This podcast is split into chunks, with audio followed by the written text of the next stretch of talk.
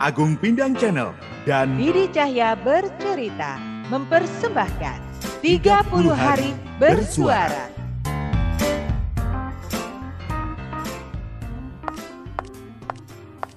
Mi Lasmi. Hmm. Sini dulu dong Mi. Ya Gar, what's up? Kita kan sudah sampai di 31 Desember 2021. Yang itu artinya Kita berdua sudah menemani Ayang-Ayang Didi dan Pindangers dalam 30 hari bersuara. betul banget. Itu tandanya kita berdua kudu pamit ya Mi. Kamu ada pesan nggak buat ayang-ayang Didi dan Pindangers? Lasmi berpesan. berpesan nih ya buat yang selama Hmm. sebulan ini sudah mendengarkan kisah kami. Terima kasih. Pesan Lasmi cuma satu, tetap dengarkan Didi Cahya bercerita dan Agung Pindang Channel ya, supaya kreator kami tetap bersemangat menghasilkan podcast yang bagus. Kalau kamu ada pesan apa, Gar? Kalau aku sih bukan mau pesan, tapi Hmm? lebih tanya ke para pendengar kita. Mm-mm. Kira-kira nih, kalau mereka memang tertarik sama Hmm. cerita Elgar dan Lasmi, karena jujur aja kan drama selama sebulan ini kan kita nggak pernah kasih judul title apa itu kan nggak ada, Iya, bener nggak sih?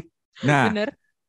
eh, gimana kalau mereka kasih feedback ke kita, kira-kira nih ya, baik pendengarnya ayang-ayang Didi maupun para pindang pindangers boleh kasih masukan ke kita, sa- kasih saran terutama ke kreator kita, enaknya eh, cerita Elgar dan Lasmi ini gimana? Dilanjutkan atau kita cukupkan? Ya sampai yang kemarin itu. Itu aja sih. Wah, seru ya Elgar ya kalau kita nggak cuma 30 hari bersuara tapi mungkin jadi satu mini drama khusus ya terserah deh. Eh, ini yang dengerin Elgar dan Lasmi boleh deh untuk menyampaikan eh, pesannya atau keinginannya DM aja ke channel kreatornya Elgar itu Agung Pindang Channel tuh di mana ya IG-nya ya Kak Elgar? Ikut ikutan ini aja Agung Pindang aja. Tinggal Oh, klik oke. Agung Pindang aja. Oke, ya sudah. Kalau gitu kalau Lasmi tinggal klik aja kreatornya di Didi Cahya bercerita. Dan setelah ini akan ada eh, kreator Agung Bidang Channel dan Didi Cahya bercerita yang bakalan ngobrol tentang proses kreatif duo Elgar Lasmi. So, stay tune ya. Makasih ayang-ayang Didi. Makasih juga para pindangers. Dengerin obrolan para kok parah sih. eh kreatornya Elgar dan juga Lasmi, cerita Lasmi ini. Setelah tembang yang satu ini ya. Bukan tembang. Apa sih? Dia langsung closing, closing Oh, tapi iya, kita iya, nggak iya, pakai iya. closing tune. Langsung aja makasih juga bidangers. Dadah, pusing kan kalau dipanjangin. Ya, ya. Oke, lanjut.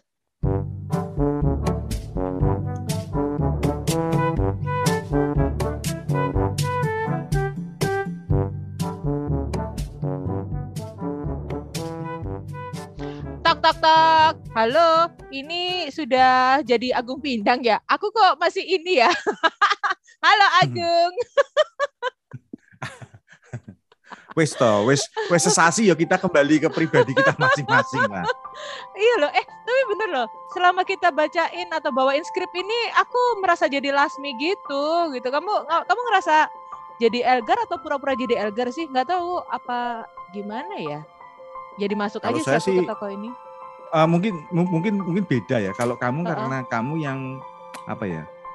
Karena kamu yang nulis, kamu kan Iya, bidannya, kamu iya. kan yang melahirkan gitu ya. Eh, eh. Kalau saya kan mengeksekusi buah pikiranmu. Jadi mungkin tingkat kedalamannya, sentuhan Heeh. emosionalnya nggak sedalam kamu. Mungkin itu yang Hmm. membedakan ya. Meskipun eh, di beberapa hal saya Heeh. pasti akan dituntut untuk mengeksekusi biar Elgar dan Lasmi ini dramatisasinya lebih kelihatan dan segala macam. Mungkin Ah. itu yang membedakan aja. Tapi gini, kita kembali ke sebulan yang lalu ya. Aku ingat di akhir November itu siang-siang aku lagi lunch di cafe sama teman-teman gitu. Yang tiba-tiba aku terima telepon dari kamu kan. Kita tuh jarang telepon-teleponan ya. Kita kan paling banyak chattingan ya. Tiba-tiba kamu ngajak Nah. aku kolaborasi untuk bikin mini drama gitu. ya. Dan waktu itu kamu tahu sendiri kan aku nggak ngerti bentuknya mau seperti apa gitu. Sebenarnya apa sih yang ada di pikiranmu untuk ngajak aku berkolaborasi, ngajak Didi Cahya bercerita untuk kolaborasi dengan Agung Pindang Channel? Apa ya? What's on your mind at the time gitu loh. Yang pertama karena saya habis ikutan acara membuat audio dramanya dari Siberkreasi. Mm-mm, mm-mm, Kalau nggak salah kan itu. Yang mm-mm. kedua, saya pikir kayaknya kalau dapat ilmu baru nggak ada salahnya dicoba.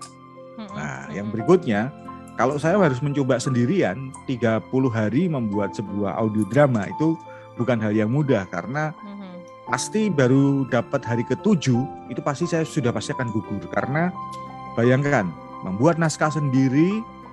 Kemudian mencari pemain sendiri dan kemudian mengeksekusi teknisnya baik editing maupun mixingnya itu bukan hal yang mudah maka saya harus mencari teman yang menurut saya ya mungkin kita sevisi dulu aja kalau Mm-mm. masalah kalau masalah isi ceritanya menurut saya itu bisa dikompromikan lah Artinya itu bukan sesuatu yang ribet gitu ya. Tapi paling nggak visi kita sama.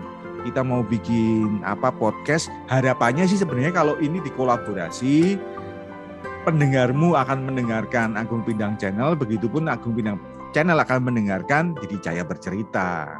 Mhm. Akan tetapi ternyata Deng deng deng.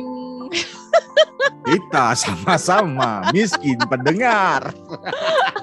tapi tapi tapi eh, aku tuh aku tuh kadang aku tuh sering ini bukan kadang aku tuh sering merasa tidak bangga pada diri sendiri ya.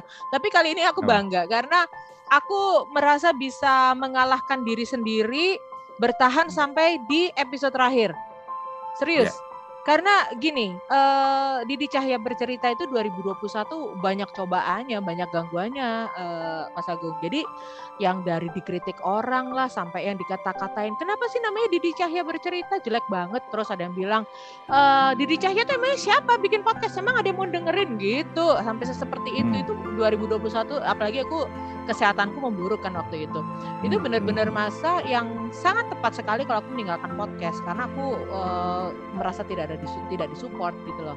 Jadi eh, ternyata justru aku menang di Octoverse itu juara kedua setelah kamu terus juga eh, apa aku waktu itu eh, Kak Stefani bilang ya sudah kita bikin podcast bikin aja. Masalah nanti ada yang mendengar atau tidak? Ya sudah yang jelas kita tuh berkarya dulu itu itu mak jelek banget yang membuat aku berpikir Hmm. lagi untuk ah ya sudahlah ini kan aku bikin podcast awalnya niatnya untuk legacy untuk warisan kepada orang-orang kalau pengen dengerin pikiranku dengerin ceritaku. Jadi ya udah. Eh kena lagi 30 hari bersuara yang ini aku keluar dari pakem banget Agung. Keluar banget. Jadi aku bukan bukan aliran skrip ya beda sama baberan yang Mhm. semuanya di skrip aku aku bukan itu. Kedua ya audio drama you know ya kita ilmu baru ya. Menurutku sih walaupun di bertahun-tahun di radio aku nggak nggak apa namanya nggak pernah megang. Yang kalau aku yang Ya. ketiga kenapa akhirnya aku menerima kolaborasi dengan dirimu? Karena uh, kita punya kebisaan yang bisa saling mengisi. Aku bisa menulis bisa bikin skrip bisa berimajinasi tapi aku nggak bisa audio production. Dan dirimu uh, yang aku lakukan mungkin dirimu bisa gitu tapi kalau konsisten 30 hari ya mecedel kan. Itu boleh cerita sak mono akeh iki ya angel gitu kan. Dan uh, gerasa nggak sih gini gini gini gini? Di episode ke-25 itu kan ada apa sih namanya dirimu tiba-tiba ini ada edisi Natal nggak? Terus aku lihat ya kompetisi. Emang Natalan ada kompetisi gitu kan. Hmm, hmm, ternyata hmm, masih hmm, bisa. ternyata aku masih bisa dan akhirnya sampai tanggal 31 itu berubah semua. Dan ternyata malah gongnya tuh di di episode 25 sampai 30 gar menurutku. Eh Elgar hmm, tuh kan hmm, aku hmm, jadi hmm, lasmi kan. Jadi aku ngerasa oh iya ya. Jadi akhirnya ngerasain eh, mungkin eh, pembuat skrip kejar tayang segala macam mungkin seperti yang aku rasakan. Ya terima kasih loh kamu ngajak aku berkolaborasi. Jadi bisa belajar sesuatu yang baru juga sih aku. Iya, kayaknya juga gini nih. Dengan tiap hari kita dikasih tema, itu sebenarnya memaksa kita untuk keluar dari zona nyaman dan itu sekaligus sebagai alat bantu kita, jadi tools untuk kita mesti keluar membuat tafsir baru terhadap konten kita dengan rujukan tema-tema di tiap hari. Menurutmu bener nggak? Karena tanpa itu uh, apa ya? Ada beberapa episode di cerita Elgar dan Lasmi ini yang menurut saya uh, apa ya? Kamu menurutku ya, kamu dipaksa mm -hmm. harus mengikuti alur tema yang sudah ada gitu loh. Iya. Bener nggak sih? Banget. Dan, banget. Dan dan dan menurutku kan kamu ketika habis tanggal 25 itu kan kamu kayak orang putar badan karena seluruh apa uh, role yang kamu sudah mau kamu jalankan bisa jadi berubah kan dan uh. dan dan mau nggak mau kamu harus ngikutin pola yang oh iya ya karena setiap kali ada perubahan maka itu akan merubah ending yang berikutnya berikutnya berikutnya gitu bener ya? Uh, bener tapi ada ada tapinya juga maksudku begini hmm. aku membuat Elgar dan Lasmi ini menjadi episode yang bisa dipecah-pecah sebenarnya hmm. jadi kalau dengerin episode tentang cita-cita aja ya sudah nggak dengerin yang episode lain juga masih bisa didengerin jadi okay. uh, nggak apa sih bisa bisa uh, beli putus lah ya tapi ternyata memang di akhir episode akhir tuh kok aku jadi kepengen bikin plot twist, jadi kepengen ternyata ternyata kok nyambung gitu loh. Jadi uh, hmm aku nggak ada rancangan sampai yang akhirnya uh, papanya Elgar begini, papanya Lasmi begitu, itu kan nggak ada di awal. Ternyata di akhir itu bisa nyambung. Why not? Kalau bisa nyambung, kenapa nggak disambungin? Itu sih. Jadi uh, uh, memang tantangannya adalah ini awalnya aku bikin skrip seperti sepintas lalu, makanya kan aku tidak memasukkan nama seperti misalnya pimpinannya si Lasmi namanya Sabto gitu kan. Eh ternyata di episode berikutnya keluar nama Bu Angela. Untung aku baca skrip yang kedua. Lah, Bu Angela ini terus siapa? Kan pimpinannya namanya Sabto. Akhirnya aku rubah lagi skripnya. Kan aku bilang, "Eh, wait sebentar ada revisi." Nah, akhirnya si Bu Angela jadi uh, legalnya kantor kayak gitu-gitu. Jadi, oh, aku benar-benar belajar ini.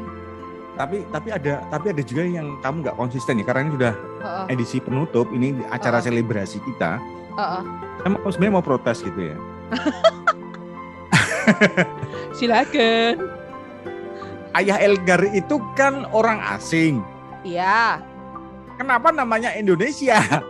Nah makanya itu eh, ketidak konsisten. Kamu kok nangkep ya Makanya aku nangkep itu di cerita yang itu kan yang dia cerita tanggal uh, episode 21 ya, cerita tentang Anya ya. Yang itu hmm. aku iya. It... ya. Kenapa namanya jadi nama Indonesia dan akhirnya aku kembalikan ke opa di perkebunan lah. Opanya juga wong Londo, orang Swedia. Ini kenapa namanya Indonesia? Akhirnya aku ya, ya Allah Gusti. Makanya ya semoga teman-teman melihat eh atau mendengarkan Elgar dan Lasmi sepotong-sepotong aja ya nggak usah uh, jangan, sampai 30. Jangan, jangan, jangan tolong kalau nanti mengkritik nggak usah terlalu uh, uh. detail gitu ya karena ini kita sudah ngaku dosa kan ini di edisi uh, uh. ini kalau uh, uh. kelemahannya di mana kayaknya memang untuk sebuah penulisan audio drama yang berseri seperti ini ya. kayaknya harus membuat catatan note untuk semacam kak silsilah atau betul, betul, background memang. orang tersebut apa ya sehingga itu jadi jadi pemandu kita untuk tidak keluar dari oh nama-nama ini posisinya apa. Mungkin itu ya. Itu sama dengan bikin novel jadi bikin novel hmm. itu harus ada penokohan dulu. Sementara ini kan enggak. Hmm. Aku kan cuma karena ya itu tadi iya, aku iya. aku tuh ter uh, apa ya dalam mindset itu adalah hanya ada Elgar dan Lasmi, hanya ada Elgar dan Lasmi gitu terus. Jadi ya. kalau ada hmm. tokoh mama masuk by phone, kalau ada siapa masuk by phone kayak gitu tapi akhirnya aku ngerasa gak bisa kalau cuma nyebut papa Elgar mama Elgar uh, tante ya akhirnya ada nama tante Enggar dan aku lupa lu namanya bapaknya uh, papanya Elgar itu siapa aku lupa. Nah jadi hal hal-hal seperti itu yang memang oh sebenarnya prinsipnya sama sih kalau kita bikin novel. Jadi ada penokohan dan masing-masing penokohan itu harus ditulis karakternya seperti apa. Memang harus seperti itu. Dan aku juga ngerasa inkonsistensi itu tidak hanya di penulisan skrip, penokohan, tapi uh, gaya kita itu mau sok muda tapi lagu-lagunya tua. Itu aku udah dikritik yes. sama temanku. Jadi gini, uh, kamu sebenarnya tokohnya itu mau usia berapa sih? Sebenarnya sih mau 30 up for almost 40 or something gitu masih masuk gitu. Tapi kenapa uh, gaya kita juga uh, kenapa seusia itu se seusia itu Lasmi belum mapan yang Elgar masih hmm. belum mapan berarti kan dia 30 30 awal gitu. Kenapa lagu-lagunya itu Queen Genesis gitu kan? Aku rasa eh ini lagu anak muda yang sekarang yang tentang uh, beban, tentang pressure, tentang mama yang benar-benar Luther Vandross gitu ya. Iya, itu kenapa nggak ada gitu loh. Aku aku udah nyari-nyari sampai browsing-browsing YouTube, nyari di lirik-lirik lagu nggak nemu gitu loh. Wah, ternyata susah ya nyari lagu sekarang ya akhirnya aku aduh iya nih. Jadi ya ya terserah deh ayang-ayang Didi sama Pindangers mau ini diterusin atau bikin toko baru yang tua-tua bapak-bapak ibu-ibu ya terserah. Kalau kamu sendiri tingkat kesulitannya di mana sih uh, Mas Agung? Karena aku selama ini tolong dong bikinin ini sound effect ini itu ini itu. Kalau dari sisi yang audio ini uh, sound effect itu kan banyak tapi lama-lama saya itu ngerti polamu. Polamu itu kalau di kalau saya lagi membayangkan itu kan kebanyakan kalau nggak di dapur, di pavilion, di ruang berarti atau itu di sebuah kafe yang oh berarti ambient ambience-nya harus seperti apa harus harus cari apa ASMR yang yang bagaimana untuk supporting itu gitu ya.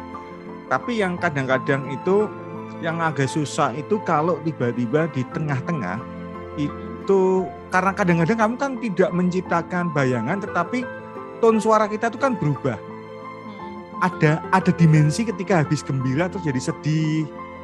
Yang menurut saya itu harus di nggak bisa cuma disupport sama apa ya?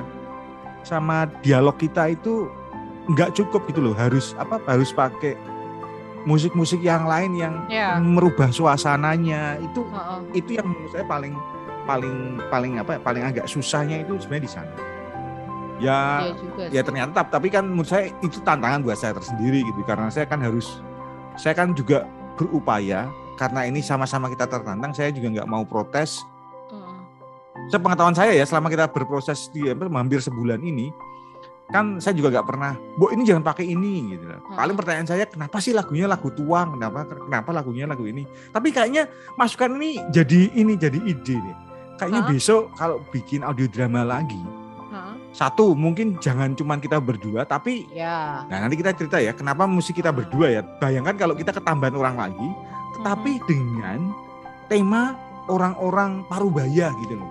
Dimensinya Boleh. dimensi itu itu kan kayaknya menarik ya karena kalau Keren. yang ini memang benar suaranya remaja apa uh, situasi yang remaja problemnya remaja oh. tapi yang main suara-suara yang wah tua gitu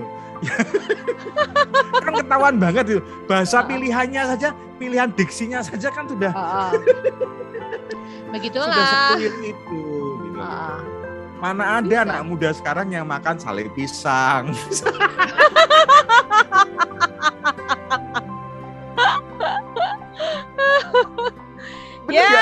ya, ya, ya, ya, Kalau kalau kita mau teliti, kenapa sih kita nggak pilih makanan yang kekinian gitu loh? Iya, iya, iya. Iya, ya, kan kan kan ya, ya tapi nggak masalah kan kita nggak bisa membohongi pengalaman pengalaman kita, pengalaman masa lalu kita kan harus bentuk karya ini. Tapi misalnya begini, yang agak menarik lagi kalau ke depan kita bisa bikin apa uh, dipertemukan lagi, kita membuat hmm. proyek. Ya moga-moga saja syukur kalau bisa dilahirkan sebuah apa uh, channel baru di luar Didi Cahya dan di luar Agung Pindang Channel yang ini memang isinya audio drama mungkin akan lebih menarik lagi gitu dengan lebih agak serius gitu ya tentunya ya. Iya, iya. Mungkin Asik. mungkin di luar itu Hmm? Seru, seru kali. Maksudku mungkin kita akan bikin mini series yang nggak panjang-panjang, 10 seri, 10 seri tentang kehidupan. Nah, ya orang-orang di sekarang sih yang denger podcast kita nggak usah tutup mata lah. Ini juga masih orang-orang yang di kota besar lah, yang kehidupannya terlalu hektik untuk membaca atau nonton TV lah. Jadi ya kurang lebihnya gaya hidup yang seperti itu sih menarik sebenarnya. Hmm, hmm, hmm. Oke okay sih. Hmm. Ya ya boleh lah. Nanti deh kita ternak podcast. Benar. Kayaknya ini bisa jadi rencana mimpi di 2022 ya. Ya, bisa jadi. Tapi kita 30 hari bersuara tahun ini menurutmu gimana? Bakal menang nggak menurut feeling? menurut saya jujur ya, jujur ya, jujur. Saya saya saya saya udah malah nggak kepikiran lagi untuk menang gitu ya. Artinya nah. menang itu bonus kesekian, tapi kemenangan itu sudah terjadi menurut saya. Yes. Ini Mbak, kalau dari saya ya, bayangkan Nah, selama 30 hari saya bisa secara konsisten, kamu juga bisa konsisten. kamu menulis, aku memproduksi, kita dihajar mati-matian untuk take vokal di jam-jam yang orang masih tidur kita udah take kan gitu. Dan kalau kamu lihat eh, jadwal tayang kita nggak buruk-buruk amat, artinya Iya. utang kita di tiap episode itu nggak lebih dari dua kalau nggak salah. Ya, ha-ha, Artinya- ha-ha. Artinya tidak tidak artinya kita mencoba di tiap hari itu ya memang memang harus ganti gitu loh. Nggak ada Iya. yang lima episode karena kita harus apa ya bayar hutang enggak. lalu pada satu hari tertentu kita nerbitin lima episode itu juga enggak. Artinya kan ini sudah hal yang luar biasa. Saya terus terang nggak pernah menduga ya saya bisa Ya. melakukan itu dan kamu pun juga kita sama-sama apa ya menguji diri kita bisa nggak konsisten dengan kegiatan ini. Jadi maksudnya Iya. kalau dikatakan menang sudah nggak penting lagi karena kita udah menang nih. Men- Iya, maksudnya menang atas diri kita kan gitu. Bener nggak itu kan yang aku bilang juga di November kemarin kan. Udah deh, kita jalan aja dulu deh, kita bikin. Gak masalah. Yang penting kalau misalnya aku lagi eh, ber- bertarung dengan diriku sendiri gitu. Kalaupun aku menang, kalau sampai 31 episode itu bisa berhasil ya sudah aku menang. Nah, dan ternyata sama kan kita. Eh, ternyata memang Mm-mm. kita menang atas diri kita sendiri kita bisa sama-sama belajar hal yang baru, kita mempraktekkan Mhm. kelas yang kemarin dan ternyata memang sulit gitu. Jadi ya kita jadi lebih menghargai teman-teman kita, senior-senior kita yang berdarah-darah untuk bikin audio production dan apa sih namanya menularkan ilmunya. Terima kasih banyak loh untuk guru-guru kita ya, Bapak Agung. Lumayan Yes. loh, kita kita Iya, banyak benar banyak benar banget benar. dapat ilmu. Nah, eh, bentar lagi kita ganti tahun. Dari Agung Pindang Channel sendiri, kira-kira 2022 apalagi yang akan dilakukan? Akan ada perkembangan apa lagi? Saya tuh masih bingung ya, masih bingung karena sampai hari ini terus terang podcast saya itu belum menemukan bentuk saya itu mau apa gitu loh. Karena eh, podcast itu gini, kalau kita kerja di radio dulu kan ada orang yang tiap hari ngawasin kita, ngasih kita jadwal, ngasih kita materi, kita mesti ngapain tiap hari itu ada. Kalau yang ini kan karena saking kita merdekanya, kita itu kan kadang bingung, bingung dengan jadwal yang kita buat sendiri. Kita mau ngapain ya? Kita mau bikin apa? iya, Dan iya. kayaknya eh, saya harus menemukan jati diri saya paling nggak nanti di 2022 gitu. Oh, Tapi oke. apa ya? Kayaknya Nggak, nggak sih masalah. Mas, Nggak, masalah. Karena begini, aku kemarin di eh, eventnya Kominfo itu dengan para konten kreator. Sayangnya podcaster nggak ada. Jadi adanya itu cuma youtuber, selebgram segala macam. Tapi kalau kita katakanlah mirip tuh mirip dengan youtuber ya. Youtuber-youtuber yang sudah dapat silver atau ya kebanyakan kemarin itu silver ya, kadang-kadang gold. Ternyata mereka tuh menemukan dirinya tuh setelah dua atau tiga kali bertransformasi. Jadi kalaupun Agung Pindang Channel sekarang belum menemukan bentuknya, that's okay karena masih ada kesempatan gitu loh sampai akhirnya kamu bisa menemukan ya apa yang orang-orang butuhkan sekaligus yang bisa menjadi dirimu sendiri nah atau mungkin bener. jadi Dan menurut- bukan agung sekalian ya terserah gitu Hmm, hmm. Dan menurut saya gini, ukurannya kalau saya sih lama-lama mikirnya juga gini, gini Mas. Bayangkan dengan usia kita yang sekarang ini kan sudah hampir menjelang 50 nih. Orang seusia kita mana sih yang kemudian masih membuat karya dengan menggunakan media digital seperti sekarang ini? Ada sih, tapi kan tidak terlalu banyak. Hmm, Satu, yuk. bukan bermaksud sombong, tapi maksud saya ya itu barangkali yang membuat kita jadi semangat karena Ya, kita kan mungkin bukan golongan orang-orang yang ingin terlibas oleh roda zaman, tapi kita coba ngikuti roda zaman ini berputar seperti apa gitu. Jadi saya sadar kalau kemudian dibandingkan dengan siniar-siniar muda, oh, pasti kita akan kalah gitu ya ya. ya, ya. Tetapi ya sekali lagi apa yang kita lakukan ini kan sebenarnya wakaf waktu kita. Mm-mm. Karena kan gini situasinya mungkin berbeda ketika di tahun 2000 2000 yang 20, lalu gitu ya ketika 2000, awal-awal pandemi uh, itu ya. Itu ya. kan memang kita nggak ada kerjaan semua nih. Mm-mm. Kita bisa berproses, kita bisa berkarya, bisa seharian duduk di komputer.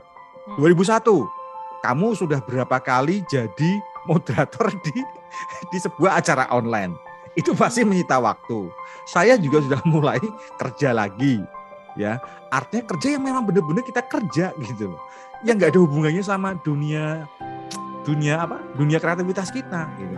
Saya udah nggak di radio, kamu juga nggak di radio. Artinya kita nggak punya supporting situasi sosial yang yang mendukung kegiatan kita ini. Bener nggak? Iya. Jadi artinya Bener sih. yuk ya kamu nulis karena kamu pengen idealismemu, saya pengen berkarya ini ya karena saya ingin ada ada sisi sisi yang mau saya asah di sini. Nah, Saya ya, ya kalau ini baik lagi ya. Kayaknya kita udah menang deh mas kalau soal ini. banget banget banget. Dan itu juga yang membuat aku di 2022 itu ada tujuan khusus sih. Maksudku adalah podcast itu adalah platform media sosial yang belum dilirik banyak orang. Gitu. Kenapa 2022 itu aku punya keinginan untuk menyebarkan virus untuk meracuni orang-orang yang belum kenal podcast untuk at least mengenal dulu. Jadi sebenarnya ini ada ceruk dan dan memang pasarku bukan anak-anak muda. Ya anak-anak tua gitu. Dan bahkan kemarin ada seorang pensiunan yang dia itu punya banyak kata-kata motivasi ini itu yang dia wujudkan dalam bentuk WordPress ya blog gitu atau dia nyetatus di media sosial. Aku coba untuk dia alihkan ke audio dia oke gitu. Jadi Hmm, sebenarnya ya itu ya 2022 Didi Cahya bercerita itu tetap akan ada. Dan ada konsep baru seperti mengadopsi kemarin kan ada teman-teman bajak podcast gitu ya. Nah ini ada Hmm. teman-teman tuh yang aku nggak mau kolaborasi sama kamu, aku mau ngebajak podcast kamu itu ada gitu. Jadi itu nanti akan jadi salah satu hmm, yang aku lakukan di 2022 dan aku akan menyebarkan virus podcast ini ke banyak orang. Jadi aku sendiri kan ada di komunitas penulis, banyak juga yang sudah pensiunan nganggur ngapain gitu kan. Nah, itu aku akan akan mencoba untuk pegang itu. Bukan untuk semata-mata eh, ya hanya untuk menyebarkan virus ini aja sih Pindang. Jadi ya ya sudah biar orang-orang bisa menikmati tahu bahwa ada satu platform baru yang Yes. bisa dioptimalkan dan Benar. I want to be the part of it gitu. Aku ingin jadi bagian dari pergerakan itu. Jadi terima kasih banget untuk the podcasters Indonesia yang sudah mewadahi kita untuk kami belajar, untuk kami Benar. berbagi ilmu, untuk kami mengeksplorasi diri kami sendiri dan 30 hari bersuara ini benar-benar satu hal yang memaksa kami untuk konsisten tetap di podcast itu seperti apa. Aku sih ngerasa gitu eh, Mas Agung, kalau dirimu sendiri apa yang kau rasakan dan mungkin juga closing statement dari dirimu apakah gerangan? Ya, eh, beberapa waktu yang lalu kita pernah apa ya berdiskusi ya mas soal Hmm. Sebenarnya kalau kita bikin sebagus apa pun tuh ada yang dengerin nggak sih? Mm-mm. Kayaknya pertanyaan itu sama dengan pertanyaan teman-teman kita yang masih ada di radio terestrial gitu ya. Apakah mm-mm, mm-mm, dunia auditif itu masih didengerin atau tidak gitu ya? Mungkin bisa saja pilihan kita di platform ini salah karena menjadi tidak tidak in gitu ya. Ya. Tapi kalaupun salah, ya barangkali ya ini akan jadi ruang belajar kita saja. Artinya nggak nggak akan ada yang sia-sia. Perkara apa yang kita bikin ini bukan sesuatu yang bisa didengarkan secara massal, yang nggak jadi masalah. Mungkin Betul. bukan sekarang, tetapi ini bisa jadi mimpi kita ke depan. Dan ketika saat itu tiba, mungkin para senior-senior yang ada yang bergabung di thepodcaster.id ini adalah orang-orang yang sudah siap terlebih dahulu. Yes. Karena kan pasarnya bukan melulu pada karya di podcast apa di karya podcastnya, tetapi di voice overnya juga bisa, di penulisannya juga bisa, di mixingnya juga, apa editingnya Iya. juga ada. Artinya kalau kita mau cari cuan, mungkin belum di di karya sini. karya podcastnya gitu ya. Tapi Tetapi skillnya leb- bisa ke mana-mana. Yes, bisa ke mana-mana, setuju.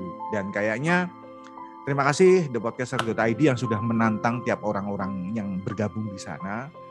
Buat teman-teman ini kayaknya perlu kita buka nih, ya Hah? Mbak ya. Heeh. Kalau kita saat Anda mendengarkan acara ini, Aha. ini kita melakukan pada tanggal 26 Desember. Artinya Yes. lima hari menjelang menjelang tutup tahun dan itu artinya saya Agung Pindang dan juga Didi Cahya bercerita itu sudah menyelesaikan. Ih, merinding nih aku nih. Kita sudah mengurangi jatah tidur, ya biasanya tidur jam Yoi. 8 malam, tidur jam 11 atau yang biasanya Ah. habis subuhan tidur lagi. Ini saya masih Mhm. harus tiba-tiba ditelepon, "Bas, ayo, saiki." Aduh. Yes. Jadi teman-teman, saya mohon maaf kalau teman-teman mungkin membayangkan kita waduh betapa capeknya. Iya, sampai tanggal 26 ini kita masih capek. Tetapi ketika Anda mendengarkan ini, kami sudah berleha-leha. Ada Sementara yang lain masih banyak yang ini, yang apa sih namanya nutupin kebolongan-bolongan yang kemarin ya, kita ya, udah ya. nyantai. Tapi yang jelas uh, terima kasih uh, Agung Pindang Channel sudah mau berkolaborasi dengan Didi Cahya bercerita. Ini sebulan yang luar biasa. Aku banyak ya, belajar.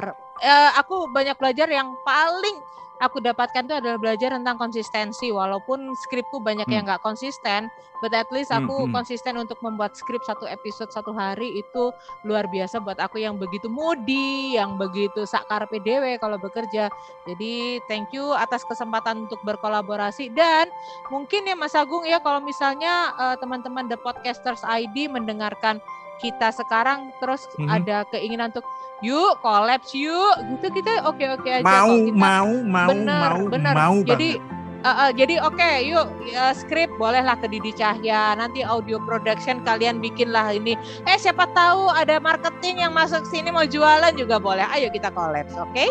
Oke oke oke Oke, okay, thank you ya uh, Agung Pinang Channel sebulan udah kita bersama-sama. Katakanlah hmm. walaupun ini kita selesai tanggal 26, tapi sebenarnya ini kayak kita kayak kontrak kerja seumur hidup ya karena kita kan masih berteman kan di luar podcast Yoi, kan. Benar sekali. Jadi sekali lagi terima kasih Mas Agung. Oh iya, untuk ayang-ayang hmm. Didi, Mas Agung ini termasuk orang yang geret-geret saya untuk konsisten di podcast walaupun saya itu udah berkali-kali mau mundur dan males gitu ya. Jadi terima kasih, tetap semangat untuk geret-geret Didi Cahya supaya supaya nggak mudi, supaya nggak berhenti di tengah jalan. Ya, uh, siap, siap, siap, siap, Pindang siap, Channel siap. adalah semoga 2022 mendapatkan momentumnya, mendapatkan uh, wujud yang diinginkan dan didengarkan oleh The Pindangers. Semoga itu terwujud di 2022 ya Mas Agung ya. Oke. Okay. Yuk, kita closing dulu karena saya mesti menghajar uh, episode-episode yang tertunda ini. ya. uh, uh, closingnya kamu aja, aku mau ngomong dikit aja. Semoga apa yang kami lakukan ini sebenarnya nggak berdarah-darah amat, tapi kami sangat menyukainya, kami sangat menikmatinya. Semoga para senior yang baru bisa mengikuti semangat kami, bisa membuat dunia podcast di Indonesia semakin semarak. Nggak cuma kami-kami yang sudah jelang jumpo ini aja yang bergerak, tapi kalian yang muda-muda juga harus lebih banyak menghidupkan podcast di Indonesia.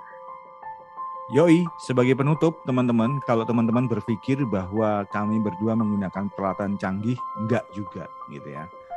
Di episode awal harus saya katakan mungkin yang agak sedikit lebih proper mungkin ada di tempat saya, tetapi Didi Cahya sudah membuktikan bahwa dengan perangkat yang sederhana dia juga bisa mengimbangi. Bahkan menurut saya nyaris tidak ada bedanya. Karena apa? Yang penting asal rekaman ini ini teknis ya asal rekaman kita bersih, asal suara artikulasi kita jelas, maka semuanya ketika didengarkan di, di handphone menurut saya itu nggak ada bedanya sama sekali. Jadi jangan ya. pernah mengatakan bahwa oh, peralatan saya nggak nggak memenuhi syarat Allah Allah Allah Allah. Kalau kita hmm. meminta kesempurnaan, kita nggak akan pernah membuat sesuatu. Yakinlah itu. Sudah banyak software-software yang bisa menyulap menghilangkan noise dan segala macam dan itu sudah diajari juga di apa siberkreasi ya kalau teman-teman ngikut itu wah pokoknya resepnya sudah banyak gitu. Jadi artinya bukan jadi penghalang. Penghalang Betul. kita ya cuman itu. Kita apakah kita punya niat atau tidak? Betul. Pokoknya wanita tarung lah. Maju terus. Gitu ya. Oke. Okay. Selesai 30 hari. Saya karena saya mengutip apa yang Bapak Agung ini ngomplong, ini ngomplong.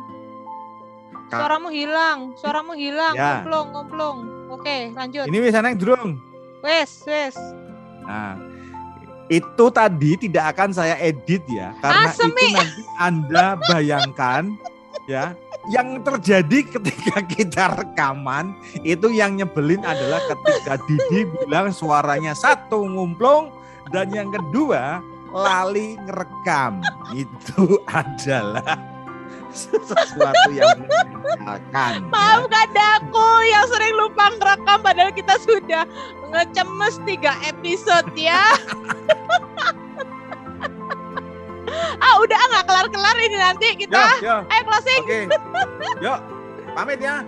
Selamat berjumpa kembali buat ayang-ayang Didi. Yoi, kita ketemu lagi ya kapan-kapan ya Pindangers ya. Jadi untuk teman-teman semua jangan lupa untuk mendengarkan Didi Cahya Bercerita dan Agung Pindang Channel di platform podcast yang kalian punya. Di Anchor bisa, Spotify bisa, uh, Apple Podcast bisa, Google Podcast juga bisa, di mana pun bisa. Gimana ayang-ayang Didi dan Pindangers? Ikuti Agung Pindang Channel dan Didi Cahya bercerita bersama The Podcaster Indonesia. See ya!